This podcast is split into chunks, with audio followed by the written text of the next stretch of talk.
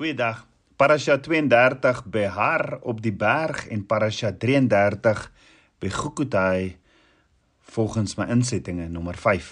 Ons het gister gesien die boek Levitikus eindig met 'n erkenning dat ons almal van tyd tot tyd in die struik val om beloftes te maak. En die vraag is, wat sê Abba Vader se woord oor hierdie beloftes en wie almal in die woord het beloftes gemaak en wat was die eindresultate daarvan? Maar voor ons daarna kyk, wat is 'n belofte of 'n gelofte?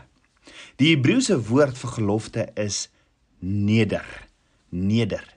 Die werkwoord of wortelwoord van hierdie Hebreëse selfstandige naamwoord is nadar, wat beteken om uit te val soos wat graan uit 'n vurk op 'n dorsvloer val. 'n Neder is met ander woorde enige belofte wat jy maak of dit nou gepaard gaan met 'n eed of nie. Dit is amper asof die Hebreëse prentjie vir ons dit skets asof 'n belofte net so uit jou mond val, soos wat graan uit 'n vurk op 'n dorsvloer val, nê. Dis woorde wat net uit jou mond val sonder dat jy regtig mooi daaroor gedink het. Hastige woorde, uit emosies uit of woorde as gevolg van druk of selfs subtiele manipulasie veroorsaak dat ons beloftes maak om iets te doen wat ons nie kan doen nie. Of Ons beloof soms om iets te wees wat ons nie kan wees nie. Of ons beloof om 'n resultaat te bewerkstellig wat ons nie kan bewerkstellig nie. En dit alles sonder die bystand en bemagtiging van Abba Vader. Ek meen dink daaroor. As jy dit wat jy beloof om te doen kon doen, sou jy dit mos net gedoen het en nie beloof het om dit te doen nie, is dit nie? Maar in plaas daarvan beloof ons om dit in die toekoms te doen. 'n Neder of gelofte is dus net 'n oorhaastige belofte wat uit jou mond kom en dis iets wat Jakob ook gedoen het. Die eerste Bybelse gebruik van die Hebreëse selfstandige naamwoord neder word in Genesis aangetref toe Jakob op pad was na Padan Aram. Jakob was besig om te vlug van Esau af toe hy oornag het by Betel en hy sy kop op 'n rots neergelê het in die hoop om bietjie te slaap. Gedurende die nag het hy 'n besoek uit die hemel ontvang in die vorm van 'n droom. In die droom weet ons sien hy leer met Abba Vader bo aan die leer wat met hom praat waarop engele op en af neergedaal het. Jakob het verbaas wakker geword en was verskrik en sy wêreldbeskouing is net daar heeltemal verander. Jakob sê toe in Genesis 28 vers 20 tot 22: As God met my sal wees om my te bewaar op hierdie weg wat ek gaan en aan my brood sal gee om te eet en klere om aan te trek en ek behoue na die huis van my vader sal terugkom dan sal die Here my God wees En hierdie klip wat ek as gedenksteen opgerig het, sal 'n huis van God wees. En van alles wat U my gee, sal ek aan 'n sekere die tiendes afstaan. Met ander woorde Jakob vereis dat Abba Vader, die skepper van hemel en aarde, vyf dinge moet doen om sy gelofte te aktiveer. Ja, Abba Vader moet oral met hom saamgaan. Abba Vader moet hom behoed en bewaar. Abba Vader moet daagliks vir hom brood gee om te eet. Abba Vader moet hom klere gee om aan te trek en Abba Vader moes hom terugbring na sy vader se huis in Shalom vrede. Jy sien Jakob was vasgevang in 'n oomblik en woorde val toe net uit sy mond uit. En dan hoor gou wat beloof Jakob om te doen as Abba Vader aan al vyf sy voorwaardes voldoen. Eerstens sou die skepper van die heelal sy God word. Tweedens, die klip wat Jakob as 'n gedenkpilaar of gedenksteen op die plek van die droom opgerig het, sou die huis van God word. Derdens, van alles wat Abba Vader hom sou gee, sal hy Abba Vader 'n tiende gee. Dink daaroor. Het ons nie al 'n soort gelyke beloftes vir Abba Vader gemaak nie? Natuurlik as jy die verhaal van Jakob ken, weet jy dat nie een van hierdie dinge uitgewerk het soos hy dit voorgestel het nie. Daar was geen manier waarop hy iets kon uitvoer wat hy met vrymoedigheid verklaar het nie. Gelukkig was niks van die dinge wat Jakob beloof het om te doen in daardie oomblik van emosies deur Abba Vader vereis nie.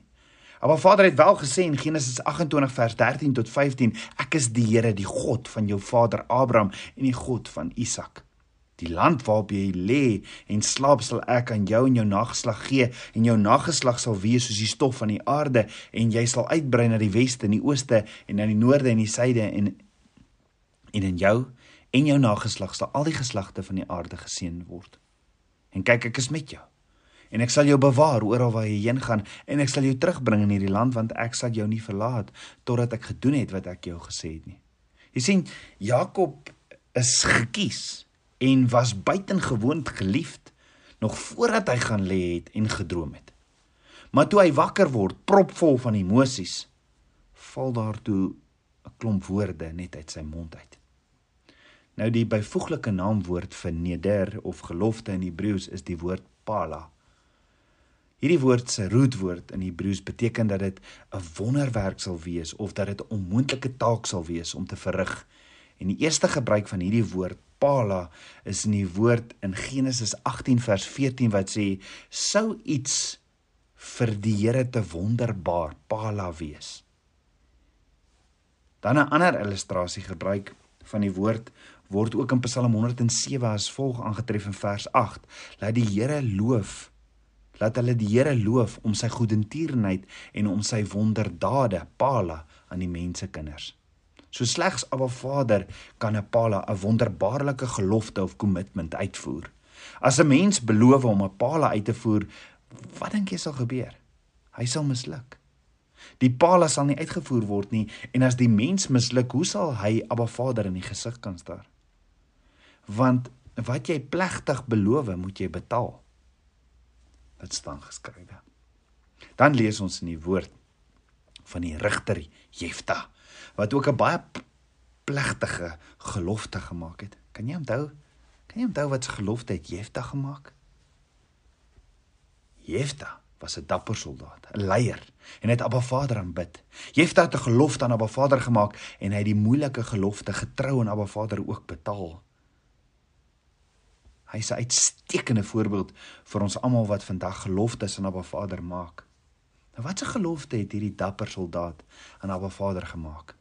Jefta het 'n belofte aan Abba Vader gemaak toe hulle teen die Am Ammoniete gaan veg het wat vyande van die kinders van Israel was. Ja Rigters 10 vers 1 tot ag vers 7 tot 16 sê die troon van die Here het ontvlam teen Israel, teen die kinders van Israel. En hy het hulle verkoop in die land in die hand van die Filistyne in die hand van die kinders van Ammon. En hulle het die kinders van Israel verpletter en verdruk in daardie jaar. 18 jaar lank al die kinders van Israel wat oor kan die Jordaan gewoon het in die land van die Amorite wat in Gilead was.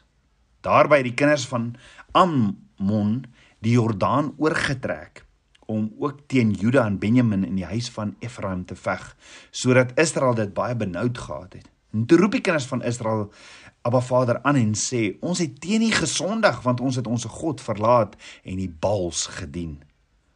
Maar die Here het aan die kinders van Israel gesê: "Het ek julle nie van die Egiptenaars en van die Amorite, van die kinders van Ammon, Ammon en van die Filistyne en toe die Sidoniërs en die Amalekiete en die Moabite julle verdruk en julle my aangeroep het, julle uit hulle hand verlos nie?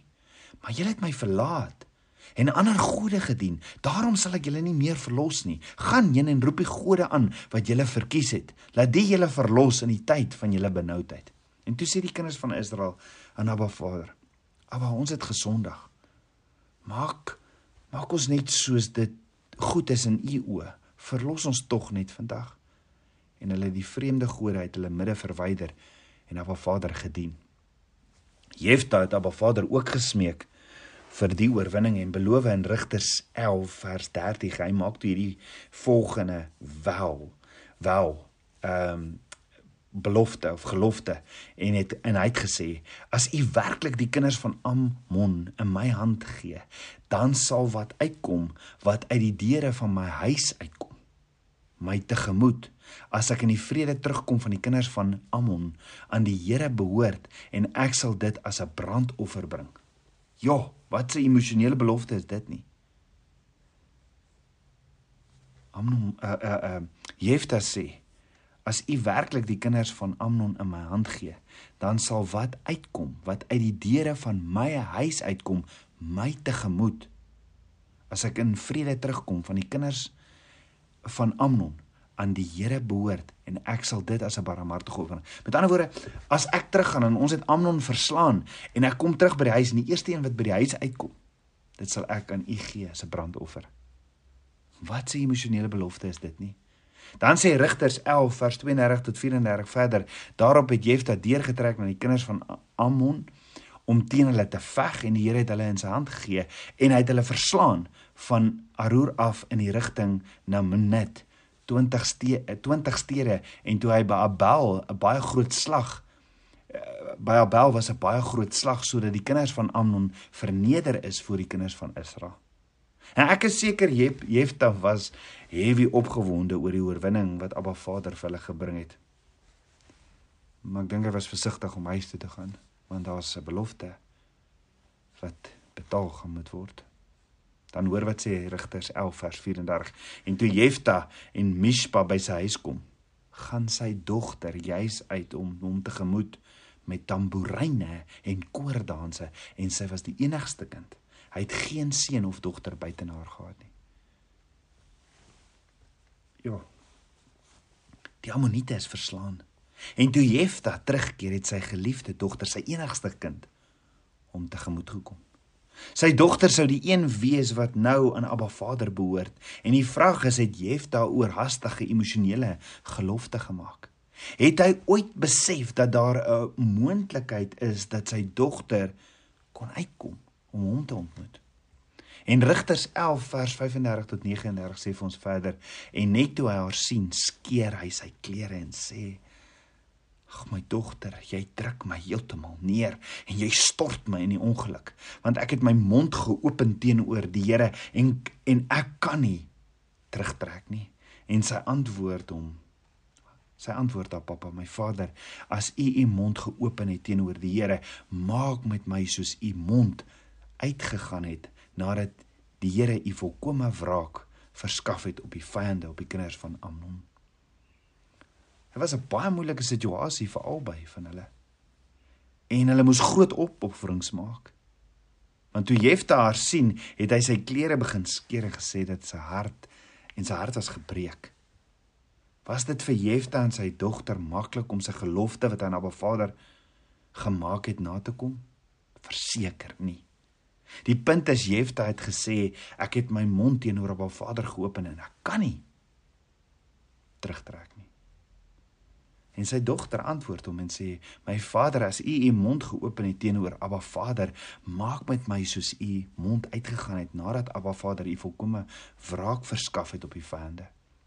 Jefta en sy dogter was lojaal en sou nooit daaraan dink om 'n gelofte te breek wat hulle aan Abba Vader gemaak het nie. Maak nie saak hoe moeilik dit vir hulle was nie. En Deuteronomium 23 vers 21 tot 23 sê: As jy aan die Here jou God 'n gelofte doen, moet jy nie versuim om dit te betaal nie, want die Here jou God sal dit sekerlik van jou eis en dit sal sonde in jou word. Dan sê vers 23 verder: Wat oor jou lippe gaan, moet jy hou en doen soos jy aan die Here jou God vrywilliglik beloof het wat jy met jou mond gespreek het. Ons moet baie baie versigtig wees met die maak van beloftes. Abba Vader verwag dat jy jou beloftes aan hom sal nakom. Hy eis dit van my en jou. Daarom Tabernakels kind van Anna, moenie van Abba, moenie net beloftes maak wat buite jou bereik is nie. Hou eerder vas aan die beloftes wat Abba Vader vir jou gee. Hy's betroubaar. Hy's 'n waarmaker van sy woord. Wees geduldig op hom en wag met vrede in jou gemoed vir sy uitkoms. So om oor te ponder het Jefta sy dogter geoffer in die sin van hy het haar geoffer en dit het haar dood behels of het daar iets anders gebeur? Dan is daar nie dalk nog iemand anders wat gesê het hulle sal 'n kind opoffer in die woord nie. Kom ons bid saam. Aba Vader koning van my hart, Aba ek loof en ek prys U. Aba ek wil U vandag vra soos Dawid in Psalm 141 vers 3. Aba stel 'n wag voor my mond bewaar die deur van my lippe. Abba, kom raak my mond aan met 'n vuurkoel. Bid dit alles in Yeshua, Messie se naam, die seun van Jahweh. Amen. Shalom.